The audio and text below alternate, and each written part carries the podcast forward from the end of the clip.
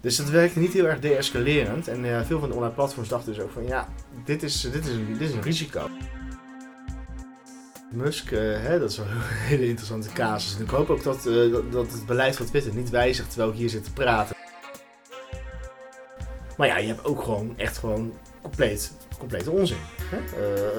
je hebt ook informatie die geen informatie is, maar juist mensen op de been zet. Welkom bij de Leiden Lawcast, de podcast van de rechtenfaculteit van de Universiteit Leiden, opgenomen door en voor studenten. Mijn naam is Julie Wenthold en ik bespreek samen met mijn co-host Ishana Badai actuele en interessante onderwerpen. Nou, vandaag de eerste aflevering van het nieuwe seizoen van de Leiden Lawcast met als eerste gast uh, Michael Klos. Michael Klos is universitair docent aan de afdeling Encyclopedie aan de Universiteit Leiden. En daarmee gaan we het hebben over desinformatie en de vrijheid van meningsuiting op het internet. Uh, welkom Michael, wat ontzettend leuk dat je er bent. Zou je even willen vertellen hoe je eigenlijk aan de universiteit terecht bent gekomen? Ja, dat is uh, nog best een lang verhaal. uh, ik ben ooit uh, begonnen op het, op het VMBO. ja, hoe dat, hoe dat is gebeurd, ja, daar kan ik ook wel een boek over schrijven, denk ik. ik ben daarna MBO gaan doen uh, MBO ICT-beheer. Daar begon ook wel mijn interesse eigenlijk voor alles wat digitaal is op te komen. Uh, maar tijdens een uh, stage bij een, bij een gemeente dacht ik op een gegeven moment van ja, weet je, ik vind ook dat beleidsmatig en politiek ook wel heel erg leuk. Toen ben ik HBO bestuurskunde en overheidsmanagement gaan doen. Nou, dat ging me best wel goed af. waarna ik dacht van nou, weet je wat, ik ga bestuurskunde studeren in, in Leiden. Nou, uh, economische crisis, er waren niet heel veel vacatures, dus ik ben uh, toen maar uh, nog door gaan studeren bij, bij een bachelor met een bachelor rechtsgeleerdheid. En dat vond ik zo leuk dat ik um, ja, eigenlijk geen master heb afgemaakt in bestuurskunde, maar wel een master encyclopedie en filosofie van het recht ben gaan doen. ja, waarna ik eigenlijk bij de afdeling encyclopedie ben blijven, blijven plakken en een proefschrift ben gaan schrijven over vrijheid van meningsuiting op internet. En nu zit ik hier. Superleuk. Echt een heel traject inderdaad uh, afge, Ja, veel overstappen. Ja, ja. gaaf. Um, nou ja, en het eerste waar ik eigenlijk aan denk bij desinformatie en vrijheid van meningsuiting op het internet is toch wel de voormalig president Donald Trump uh, en het uh, zogenaamde fake news. Zijn Twitter-account was ook verwijderd toen na de aanval op het uh, Capitool twee jaar terug. Mocht Twitter dit eigenlijk doen? Mogen online platforms mensen verwijderen als zij dat willen? Ja, wat je zag was, uh, was iets heel interessants. En uh, ja, de, het antwoord op je vraag hangt ook een beetje af of je kijkt uh, vanuit het Europese Unierecht of dat je kijkt vanuit het recht van de Verenigde Staten. nou, laten we beginnen bij Donald Trump. Hè. Dat is wel een icoon op, op, meerdere zinnen, betekenissen van, van, van het woord. ook een iconisch voorbeeld, want ehm, ja, hij werd in een rap tempo bijna van elk online platform wat je maar kan bedenken verwijderd in de, volksmond. Maar meestal ging het dan om een, uh, een schorsing bijvoorbeeld voor een bepaalde tijd. Uh, Facebook deed dat bijvoorbeeld, Instagram deed dat, uh, Twitter heeft dat, heeft dat gedaan. Ehm, en ook andere online platforms hebben zijn account opgegeven of, of beperkt ehm, als reactie op, op, op, op die be bestorming. Um, wat er opvalt is dat, dat die online platforms dat dus deden omdat het platform zelf ook een instrument was hè, eh, voor, uh, voor, voor, uh, voor de president om, om, om, om dat teweeg te brengen. Dus hij nam niet echt afstand ervan. Hij postte berichten die een beetje multi-interpretabel waren, waarvan je zou kunnen denken, nou oké, misschien uh, dat hij inderdaad zegt: ga naar huis, uh, ga in liefde. Hè? Uh, maar tegelijkertijd postte hij ook berichten waarin stond: van ik heb begrip voor jullie, voor jullie woede, bijvoorbeeld. Dus dat werkte niet heel erg deescalerend. En veel van de online platforms dachten dus ook van ja, dit is, dit is, een, dit is een risico. we zorgen toch maar voor dat die berichten niet meer geplaatst kunnen worden door het account te beperken en later zelfs te schorsen ja, mogen die online platforms dat? Uh, ja, het standaard antwoord wat je, wat je eigenlijk krijgt van uh, iedereen is van ja, het zijn private platforms. Hè? Uh, jullie hoeven ook niet, niet iedereen toe te laten in jullie podcast. Hè? Jullie, jullie kunnen daar zelf een afweging in maken. die online platforms die, die kunnen dat ook. Die hebben toch een beetje redactionele vrijheid, zoals, zoals het dan mooi heet. Maar als je gaat kijken naar de Europese Unie, dan wringt dat wel een beetje. We hebben hier in de Europese Unie ook wel steeds meer het idee van... Ja, het zijn niet uh, zomaar plekken. Hè? Het zijn niet zomaar platforms waar, uh, uh, waar we het over hebben. Het gaat hier over, over platforms die echt wel een impact hebben op onze informatiedieet. dus als die online platforms kunnen beslissen van... Nou, die mag wel wat zeggen, die mag niet wat zeggen... Dan, dan heeft dat een enorme invloed. dus hier zo zie je wel dat daar steeds meer regels over worden opgesteld... Die februari volgend jaar, uh, 2024, helemaal van, van, van kracht gaan worden. En voor sommige platforms ook al eerder, omdat het uh, zogeheten zeer grote online platforms zijn die een enorme impact hebben op onze informatiedieet. Uh, maar in de Verenigde Staten uh, zijn die online platforms juist ja, bijna uitgezonderd van elke vorm van civielrechtelijke aansprakelijkheid die je maar kan, kan bedenken. er zijn maar slechts een paar uitzonderingen. Bijvoorbeeld sex trafficking ads zijn uit, uitgezonderd. Er zijn echt een wetgeving opgenomen om die immuniteit daarvoor op te heffen. Maar uh, moderatiebeslissingen uh, als uh, het al dan niet permanent schorsen, ja, dat is echt iets waar de online platforms ja, bijna immuun zijn voor, voor, voor schadeclaims. Ja. Dus ja, ze mogen dat tot op zekere hoogte in de Europese Unie. En in de Verenigde Staten hebben ze heel veel ruimte voor. Oké, okay, en hoe denk je dat het er volgend jaar uitziet na de invoering van de nieuwe wetgeving in de EU? Ja, uh, ik heb wel een klein, uh, klein inkijkje daarin. Uh, dat komt door een Nederlandse voorzieningenrechter. Nou ja, een voorzieningenrechter die, die maakt natuurlijk een beetje een snelle afweging in de zaak. en ja, het zou in een bodemprocedure dus eventueel anders gelopen kunnen zijn. maar wat we zien in een, in een zaak van, van een politicus in, in Nederland tegen LinkedIn. ja, daar is wel gezegd tegen LinkedIn van ja, goh, als jij allemaal berichten van gebruikers verwijdert als desinformatie, dan moet je wel duidelijk zijn, wat is nou je beleid? Uh, LinkedIn had bijvoorbeeld alleen maar opgenomen, ja, je mag niks plaatsen wat in strijd is met uh, de opvatting van de WHO over nationale gezondheidsorganisaties. Dat is heel breed. En ja. als je dan een bericht verwijdert, dan moet je in ieder geval een motivering uh, daarvan geven. Hè? Dus laat blijken waarom dat dan in strijd is met je beleid. En als het dan gaat om het schorsen of, of, of, helemaal verwijderen van accounts, ja, dan moet je wel echt meerdere waarschuwingen hebben gegeven. En ook wel gewoon bezwaar- en beroepsprocedures bieden aan gebruikers. Uh, dus je zag in, uh, in die zaak nou, dat een rechter toch wat, wat, wat, wat indringender ging toetsen. Ook omdat die di digitale dienstverordening, de Digital Service Act, eigenlijk al onderweg was. en ook allebei de partijen daarnaar refereerden van, nou, hè, er zijn wel wat, wat afspraken daarin die, die straks wetgeving worden. dat die normen al een, beetje, een beetje in die zaak zijn gekomen. Uh, dus ik, uh, ik zou zeggen dat uh, gebruikers wel wat meer slagkracht krijgen richting online platform als ze hun account kwijtraken. Ja. ja, dus we hebben eigenlijk in Europa misschien wel iets meer waarborgen dan in Amerika. Ja, dat is op zich ook niet gek. Als je kijkt naar, naar de Verenigde Staten, daar heb je het eerste amendement. het eerste amendement garandeert de vrijheid van meningsuiting. Maar vrijheid van meningsuiting hier is de vrijheid van meningsuiting. De vrijheid van meningsuiting daar, dat is uh, ook het subsidiëren, of uh, het subsidiëren, het uh, doneren van geld aan politieke partijen wordt daar zelfs onder de vrijheid van meningsuiting geschaard. Dus die opvatting van die vrijheid van meningsuiting is daar veel breder dan in de Europese Unie. Ehm, dus daar zo wordt ook wel veel sneller aangenomen dat je als bedrijf ook, ook een bepaalde vrijheid van meningsuiting hebt. En dat, dat is helemaal niet uitzonderlijk hoor binnen het EVRM heb je dat ook. Uh, maar daar zo is dat toch wat breder. Um, dus daar uh, kan je eigenlijk geen wetgeving maken waarin je beperkingen oplegt uh, aan online platforms om bepaalde gebruikers en bepaalde visies bijvoorbeeld niet toe te staan. Omdat dat de vrijheid van meningsuiting van die bedrijven ook schendt. En hier zo kijken we daar toch wat anders naar. Van ja, wat is nou uh, de verhouding tussen die partijen. Uh, hoe groot is zo'n zo'n zo'n zo'n private partij nou eigenlijk? Hè? hoe, YouTube is bijvoorbeeld een enorme speler. Ehm, en, kun je daar niet aanvullende regels voorstellen? Ehm, ja, dus hier zo is, dat, is daar, omdat we toch wat minder absoluut kijken naar die vrijheid van meningsuiting. Is het hier makkelijker om, om, om dat soort bedrijven te reguleren dan in de Verenigde Staten, waar ze dan toch al heel snel alles ook onder die vrijheid van meningsuiting scharen. Maar ook daar kan het wel veranderen hoor. Want uh, die wetgeving waar ik het net over had, over die immuniteit. Uh, ja, de Supreme Court gaat nu eindelijk daar zaken over horen. Wetgeving uh, die al sinds midden jaren 90 van kracht is. Nog nooit, nog nooit succesvol aangekaart bij de Supreme Court. ze hebben al die zaken eigenlijk gewoon geweigerd.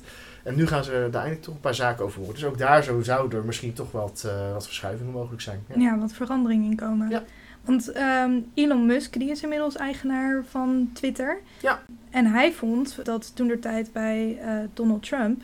eh, dat de vorige leiding van het platform eigenlijk iets te, te streng was op Twitter. En dat het te snel berichten verwijderde.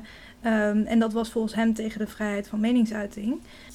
Dus eerdere berichten en accounts die waren verwijderd, die, die mochten terugkeren. Ehm, ja, hoe zit dit? Eh, mag Elon Musk als eigenaar van Twitter dan bepalen wat er op Twitter komt te staan? Of is er dan in Amerika toch nog een soort regelgeving die, die hier rekening mee houdt? Ja, wat we zien met, eh, met Musk, eh, hè, dat is wel een hele interessante casus. En ik hoop ook dat, eh, dat, dat het beleid van Twitter niet wijzigt terwijl ik hier zit te praten. Want dat is wel een beetje de situatie van de afgelopen maanden. De wijzigingen die volgden elkaar in een enorm rap tempo op. Het werd ook weer in een enorm rap tempo teruggedraaid. Eh, en op een gegeven moment was ik ook het spoor een beetje bijster van ja, wat is nu het beleid op Twitter? Dat is natuurlijk niet goed. Ehm, als, je, als je ook kijkt naar bijvoorbeeld eh, eh, die, die, DSA, die Digital Service Act waar ik net over had. Ja, die, die vereist ook dat die online platforms duidelijke regels stellen in de huisregels. vooraf duidelijk maken wat de sancties worden enzovoort. En eh Musk die heeft gewoon soms op de een of andere dag beleid aangepast.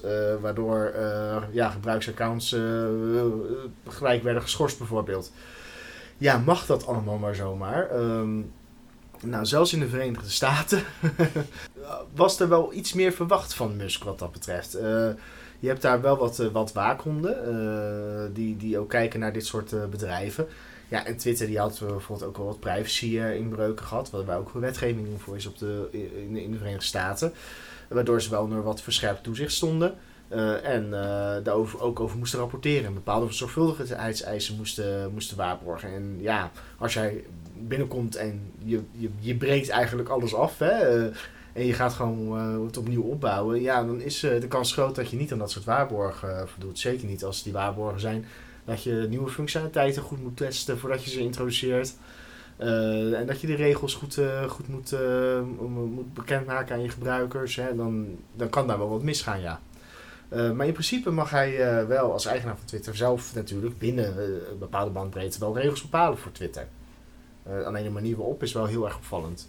Ja, je verliest een beetje stabiliteit, denk ik ook, in het bedrijf. Ja, en de, en de, en de grap is een beetje, Musk die zegt zelf dat hij een uh, vrijheid van meningsuitingsabsolutist is. Dan word ik altijd een beetje zenuwachtig en denk ik van ja, wat is jouw conceptie van vrijheid van meningsuiting? En wat is absolute vrijheid van meningsuiting? Is absolute vrijheid van meningsuiting wat, dat je alles mag zeggen? Is absolute vrijheid van meningsuiting wat je binnen de grenzen van de wet mag zeggen? Binnen de grenzen van welke wet dan? Hij had ook al gelijk uh, de, aandacht van de Europese Commissie, die, die bijvoorbeeld al uh, duidelijk maakte van hé, hey, je moet je wel houden aan de Europese Unie-wetgeving. Waarop Musk gewoon zei, ja, natuurlijk houden we aan de Europese Unie-wetgeving. Dat is nog maar de vraag of dat, of dat het geval is. dus wat dat betreft was dat wel, wel een hele interessante ontwikkeling. Ik zou zelf zeggen, hè, als we kijken naar de vrijheid van meningsuiting, beperkingen erop zijn niet erg. Het is niet erg dat je, dat je, dat je bepaalde spelregels hebt. Het is niet erg dat je bijvoorbeeld weet dat je, dat je elkaar niet voor rotte vis uit moet maken. Uh, wat wel erg is, is op het moment dat je niet meer weet wat de spelregels zijn.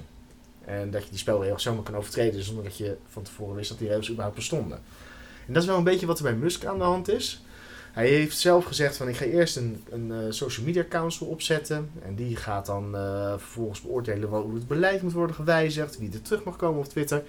Ja, vervolgens uh, zet hij af en toe gewoon een Twitter-polletje uit. En zei van nou, als jullie even gaan stemmen hier zo. dan kijken we wel wat we, wat we doen met, met die poll. Al zei hij, mee, zei hij wel dat hij zich conformeerde aan de uitslag van de polls. ja. Dus nee, dat is niet een manier waarop je omgaat met je gebruiksvoorwaarden, nee, zou ik zeggen. Nee. Precies. Vorig jaar zijn ook de zogenaamde Twitter-files uitgelekt. Die wees dat het bedrijf politieke keuzes maakte door bepaalde berichten te verwijderen of aan te passen. Kunnen online platforms het eigenlijk wel doen? Wat interessant is, is dat je zegt de Twitter-files zijn uitgelekt. Uh, in, de, in, de, in, dit geval, uh, het voelt wel een beetje als een lek. Uh, dat, dat weet ik wel een beetje eens, omdat het wel een hele selectieve openbaarmaking is. Maar dit is, dit, dit is, dit is gewoon door Musk zelf georchestreerd. Ja, be bewust. Hij heeft dus inzicht gegeven aan een aantal journalisten om die Twitter-files te, te bekijken. En die Twitter-files, dat, dat zijn dus interne documenten. Uh, waarvan ik vermoed dat de mensen die daar betrokken bij, bij waren niet per se verwacht hadden dat die later door de pers zou worden be bekeken. Dus wat dat betreft vind ik de kwalificatie lek ook niet heel, heel gek. Want het is natuurlijk heel gek dat je, dat, dat je ja, hè, interne beraadslagingen zo, zo inzichtelijk maakt voor, voor journalisten. Nou, oké. hè, ik ben ook, eh, ben ook wetenschapper. Ik vind het ook leuk om dit soort dingen te onderzoeken. Dus ja, ik zat daar wel een beetje, eh, een beetje naar uit te kijken natuurlijk, hè, toen dat bekend werd. Maar wat je uiteindelijk ziet is, ehm, de meeste dingen wisten we al. Hè? Moderatie is niet makkelijk, dus eh, je komt voor moeilijke keuzes te, staan. Eh, je moet heel vaak beslissingen nemen met eh, maar de helft van de informatie. Een van de dingen die enorm eh, terug is gekomen bijvoorbeeld, eh, is eh, de aanpak van Twitter eh, rond eh, de, de, de, de laptopbestanden van Hunter Biden, de zoon van Joe eh, Biden, rond de verkiezingen. Nou, daar is eh, later nog heel veel, eh, veel eh, context bij gegeven. Maar op het moment van, eh, van het ingrijpen van Twitter was er eigenlijk niet heel veel meer bekend dan een, eh, dan een, dan, dan één artikel. eh, waarin eh, best wel wat claims werden gedaan eh, door journalisten. Waarvan, eh, waarvan ja, heel moeilijk was wat nou precies de status daarvan was. En ook zijn al die online platforms gewaarschuwd voor Russische desinformatieprogramma's of, eh, pro- programma's om, om eigenlijk die verkiezingen te beïnvloeden. Dus heel veel van die platforms die namen actie tegen toch een journalistiek media outlet en zorgde ervoor dat, eh, dat het niet verder verspreid kon worden. Nou, daar is veel kritiek op geweest. Twitter heeft er ook het een en ander teruggedraaid. Maar ja, dat zijn moeilijke beslissingen. Hè? Dus eh, daar kunnen we dan eh, heel moeilijk over gaan doen en zeggen: ja, Twitter beïnvloedde de verkiezingen. Maar als je kijkt naar die afwegingen, zijn de afwegingen helemaal niet gek. En eh, de, de evaluatie daarvan ook niet. Eh, dus eh, ja, er, kwam vooral veel stof eh, bij waarvan ik dacht: van ja, dit wisten we eigenlijk wel. Eh, maar het is wel heel gek dat je als online platform selectief, hè, eh, selectieve transparantie biedt eh, op, op bepaalde thema's waarvan Musk dan eh, zelf kennelijk vond dat het controversiële moderatiebeslissingen waren. Zou een online platform als Twitter, zou die daadwerkelijk een presidentiële verkiezing, ja, de uitslag daarvan kunnen bepalen? Ja, er is wel wat, eh, wat, wat onderzoek naar gedaan. Je zou kunnen zeggen dat, eh, dat, dat zeker omdat die online platforms, daar hebben we ook die wetgeving nu hè, vanuit de Europese Unie, ze hebben echt wel invloed op ons informatiedieet. Uh, en natuurlijk, op het moment dat er heel veel informatie eh, gepusht wordt en andere informatie juist achter wordt gehouden, eh, ik vind het niet ondenkbaar dat dat eh, verkiezingen kan beïnvloeden. Ik vind het niet ondenkbaar dat dat sociale onrust zou kunnen veroorzaken. Ehm, dus ja, ik denk dat we zeker rekening moeten houden met de mogelijke schadelijke gevolgen van, van, van, dat soort, van dat soort platforms. Maar ja, dan heb je nog twee verschillende dingen. Je kan het hebben dat die platforms worden gegamed door een buitenlandse actor bijvoorbeeld. Of eh, door, eh, door politieke partijen in een land. Hè. Dat zou allemaal kunnen. Eh, bij Brexit zijn er ook allemaal discussies over geweest. Bij de verkiezingen waarbij Donald Trump werd, werd verkozen als president is er veel discussie over geweest. Ja, het, het kan misbruikt worden. Maar jouw vraag is ook meer van, kan het online platform het zelf doen? Ja, ja het zou in theorie eh, kunnen. Ik denk zeker dat op het moment dat, eh, dat een online platform eh, echt politiek voor ingenomen zou zijn, dat dat invloed zou kunnen hebben, ja. Als je kijkt naar de gebruikerscijfers alleen al en hoeveel mensen verschillende platforms gebruiken. Ehm, nou, in Nederland wordt er nog best wel veel tv gekeken, ook radio geluisterd. Dus in Nederland zou ik zeggen van, nou, je hebt nog genoeg andere kanalen waardoor je niet helemaal gegrepen wordt door het algoritme die jou, eh wijze van spreken, allemaal dingen voorschotelt. En daarmee jouw, ja, jouw eh, politieke eh, opinies kneedt. Maar er zijn ook wel landen dat dat, eh, dat het minder is. Dus eh, ik denk wel dat daar een risico in zit. Ik denk ook dat het afhangt eh, hoe oud de doelgroep is van de online platforms. In termen van mediageletterdheid misschien. eh, Ja. Ik denk dat jongeren minder snel naar andere informatiestromen kijken dan social media. Ja, dat durf ik, niet te zeggen. Ik kan me best wel voorstellen dat als jij hè, vervent eh, TikToker bent, dat je ouders misschien nog wel tv kijken. Eh, maar ik zou wel zeggen dat er wel risico in zit als je alleen maar TikTokt of YouTube filmpjes kijkt. Ja, dat, dat, dat, dat, zou, dat zou je wel ja, kunnen beïnvloeden. Ja. Ehm, is er dan uiteindelijk eigenlijk een oplossing voor die spanning tussen de vrijheid van meningsuiting enerzijds en desinformatie aan de andere kant? Ja, kijk maar andere, bij andere spanningen. Hè? Er is ook een eh, spanning tussen de vrijheid van meningsuiting en de vrijheid van godsdienst. Eh, er is ook een spanning eh, tussen, tussen de vrijheid van meningsuiting en de vrijheid van meningsuiting. Om maar wat te zeggen. Hè? Eh, bijvoorbeeld, Eh, als mensen zich over bepaalde mensen denigreerd uitlaten, dan kan dat er ook voor zorgen dat mensen zeggen van nou, dan zeg ik wel niks meer. Hè? Dus dat, eh, dat is ook die vrijheid van meningsuiting die, die door een ander dan ook beïnvloed wordt. Dus tuurlijk, er zijn altijd inherente eh, spanningen. En wat hier zo eh, ja, een beetje samenhangt, is van ja, wat wil je nou aan staatsbeperkingen bijvoorbeeld? Eh, of laat je het over online platforms om, om die vrijheid van meningsuiting te beperken? Hè? Want eh, laten we wel eh, zijn, eerlijk erover zijn. Als je desinformatie reguleert, is dat natuurlijk een inperking van die vrijheid van meningsuiting. Eh, maar dat hoeft niet per se eh, slecht te zijn. Ja, je hebt ook informatierechten. Hè? Je hebt het recht om informatie tot je te nemen. Eh, betekent dat dan dat dat een eh, recht is om k- kloppende informatie tot je te nemen? Die spanning ga je nooit helemaal oplossen. Want eh, hè, er kan ook, eh, regulering kan altijd te veel pakken en te weinig pakken. Eh, dus eh, je, je hebt altijd iets wat je misschien niet gereguleerd krijgt, waarvan je liever wel gereguleerd zou hebben. En je hebt ook altijd dingen die je wel reguleert, waarvan je liever niet had dat je het reguleerde. Hè? Bijvoorbeeld eh, opvattingen die misschien heel slecht onderbouwd lijken en bijna desinformatie lijken, terwijl ze later dan toch blijken te kloppen. Maar ja, je hebt ook gewoon echt gewoon compleet, complete onzin. Hè? Eh, eh, je hebt ook informatie die geen informatie is, maar juist mensen op het verkeerde been zet. En eh, ja, ik, ik denk dat het wel legitiem is om daar een bepaalde interventie op te doen. De vraag is alleen, moet je iemand in de gevangenis zetten voor desinformatie? Ja, ik zou zeggen, het strafrecht is en blijft een ultimum eh, remedium. Dus ja, wil je mensen echt opsluiten voor onjuiste informatie? Of wil je dat overlaten aan online platforms? Die dan misschien ook eh, hè, verschillende knoppen kunnen draaien. Misschien dat je een platform hebt dat zegt van nou, wij vinden het wel heel belangrijk dat we echt wetenschappelijk kloppende informatie communiceren.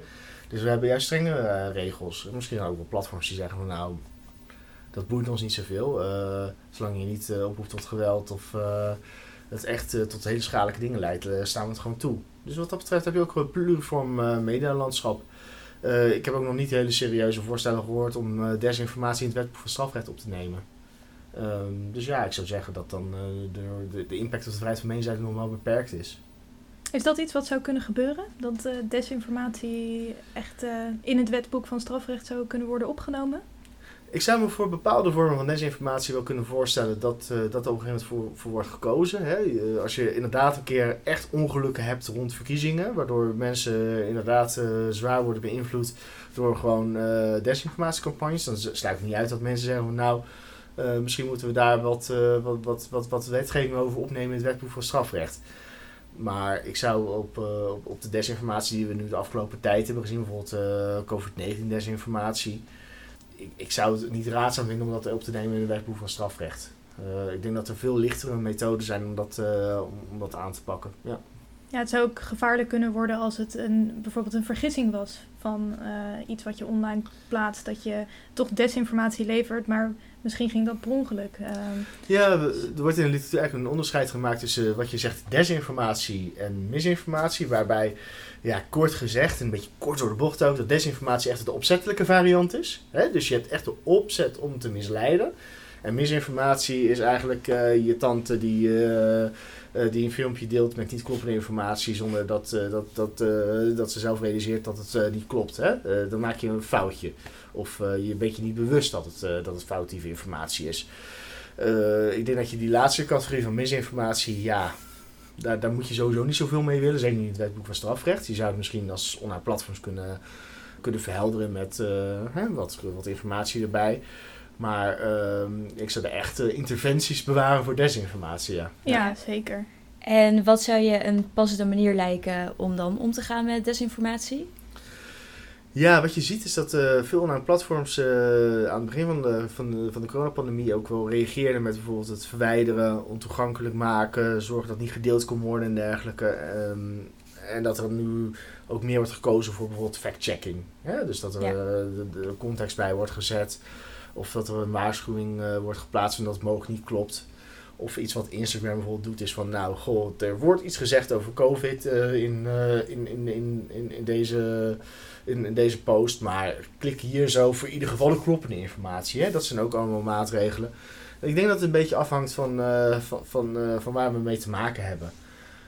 Wat je ook ziet, ik, ben eh, toevallig anderhalf jaar geleden vader geworden van een zoontje. Nou, een van de dingen die je dan ziet eh, op het internet is eh, heel veel discussies over vaccinaties. En ik, ik durf niet te zeggen of het zo is, maar ik zou zeggen dat misschien de COVID-19-discussie daar ook nog wel wat impuls aan heeft gegeven.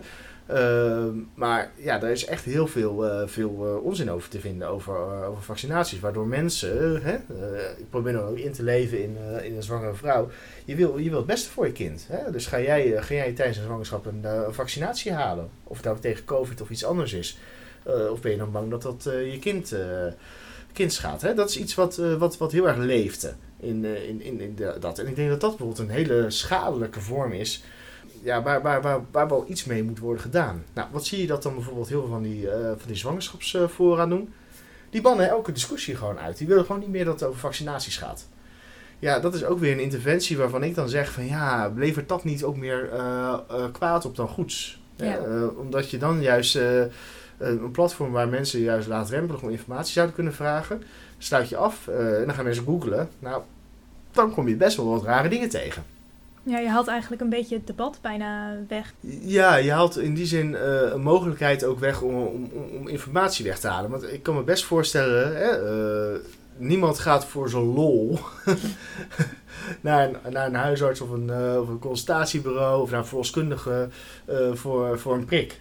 Niemand doet dat voor zijn lol. Hè? Dus iedereen, die, die, die, of, of mensen doen het plichtsgetrouw, of mensen willen er toch meer informatie over. En dan moet je zorgen dat, dat er ieder geval een plek is waar mensen die informatie kunnen, kunnen halen. En waar ze ook misschien met mensen die ook ervaringen ermee hebben, uh, gesprekken aan kunnen gaan. En dan snap ik wel dat een van de problemen die, die je hebt, is dat mensen dan allemaal foutieve verbanden leggen, bijvoorbeeld. Hè, tussen vaccinaties en bepaalde, bepaalde ziektes.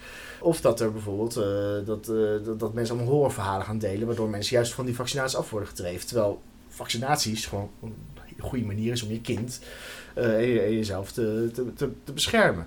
Maar ja, als je die, die, die plekken weghaalt voor mensen om daar uh, zorgen te uiten, waar ze dan ook uh, ja, informatie kunnen ontvangen, ja, doe je dan niet meer kwaad dan goed. Tegelijkertijd, als je overspoeld wordt met allemaal onjuiste uh, indianenverhalen, dan kan het ook weer heel veel kwaad doen. Dus het is een hele moeilijke discussie. Ja. ja. Ja. het is echt een balans vinden tussen de vrijheid van meningsuiting enerzijds en informatievoorziening anderzijds.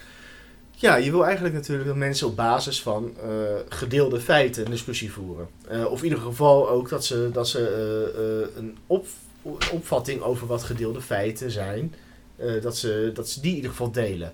Um, en ja, dat is, wel, dat, is, dat is wel moeilijk natuurlijk. Op het moment dat mensen gewoon vanuit ja, hele andere ideeën die discussie aanvliegen. Um, ja, waarvan je eigenlijk niet kan zeggen dat daar echt een goede, goede onderbouwde basis voor is. Ik denk dat dit een goed moment is om de opname af te ronden. Um, zou je misschien willen afsluiten met wat wijze woorden voor de luisteraar? Ja, daar heb ik een hele uitzending over na kunnen denken nu. Hè? um, ja, wat ik iedereen zou willen meegeven is... Denk na voordat je iets liked. Hè? Uh, een van de, van, de, van de dingen die, uh, die desinformatie bijvoorbeeld drijft, is uh, dat mensen te snel denken: oh, leuk bericht, klik. hè, dan pakt zo'n algoritme dat op en dan wordt het ding alleen maar groter gemaakt. Dus denk, denk na over wat je deelt met iemand op die manier. Michael, hartelijk dank voor je deelname. En voor de luisteraars, bedankt voor het luisteren naar de eerste aflevering van het nieuwe seizoen van de Leiden Lawcast. en tot de volgende keer. Tot de volgende keer. Volg Leidenlal op Instagram zodat je geen enkele aflevering mist. Like of reageer en laat ons weten wie je graag als volgende gast zou willen zien. En wie weet komt hij wel in onze volgende aflevering.